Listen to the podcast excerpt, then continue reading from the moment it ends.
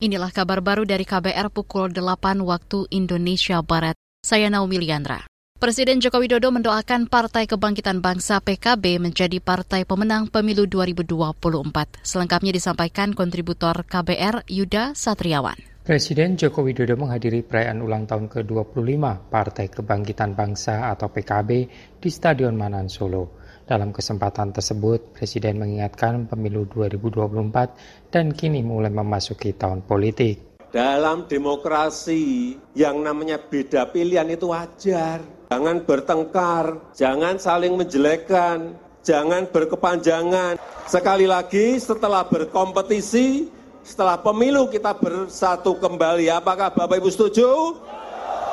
Saya menaruh harapan besar kepada PKB kepada petuah dan doa-doa dari para ulama kita. Semoga pesta demokrasi di 2024 berjalan dengan sukses, menghasilkan kepemimpinan yang kokoh, baik di eksekutif maupun di legislatif, untuk meneruskan perjuangan dan capaian yang telah kita perjuangkan bersama-sama. Saya rasa itu yang ingin saya sampaikan. Selamat berjuang, semoga PKB menjadi pemenang dalam pemilu yang akan datang. Lebih lanjut, Presiden Jokowi mengungkapkan PKB saat ini termasuk partai besar. PKB Ibu Jokowi memperkokoh ideologi Islam moderat, menjaga kebinekaan dan toleransi dalam berbangsa. Di hadapan sekitar 15.000 kader dan simpatisan PKB itu, Jokowi menjelaskan peran PKB dalam pemerintahan sangat besar. Sejumlah kadernya bahkan masuk dalam jajaran Kabinet Indonesia Maju.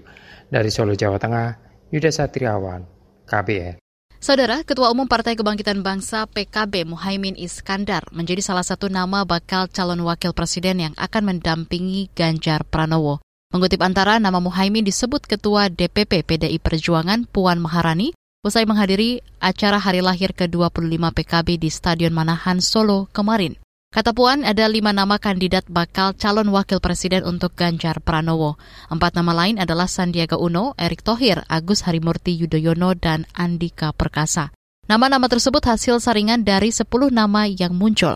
Ganjar adalah bakal calon presiden yang diusung PDIP dan PPP. Sedangkan PKB membentuk koalisi bersama Gerindra dan mengusung Prabowo sebagai baca pres.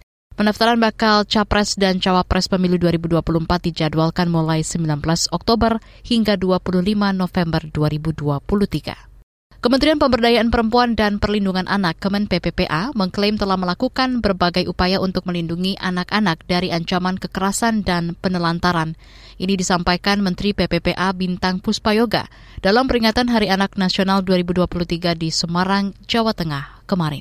Harus dilindungi dari kekerasan, eksploitasi, dan berbagai perlakuan salah lainnya, serta harus aktif berpartisipasi dan bersuara, namun juga harus didengarkan oleh orang dewasa. Nah, inilah tugas dan tanggung jawab kita bersama sebagai orang dewasa.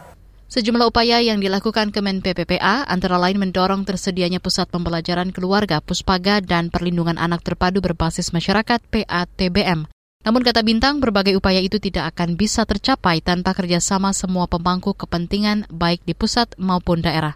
Tema Hari Anak kali ini adalah Anak Terlindungi Indonesia Maju. Demikian kabar baru, saya Naomi Liandra.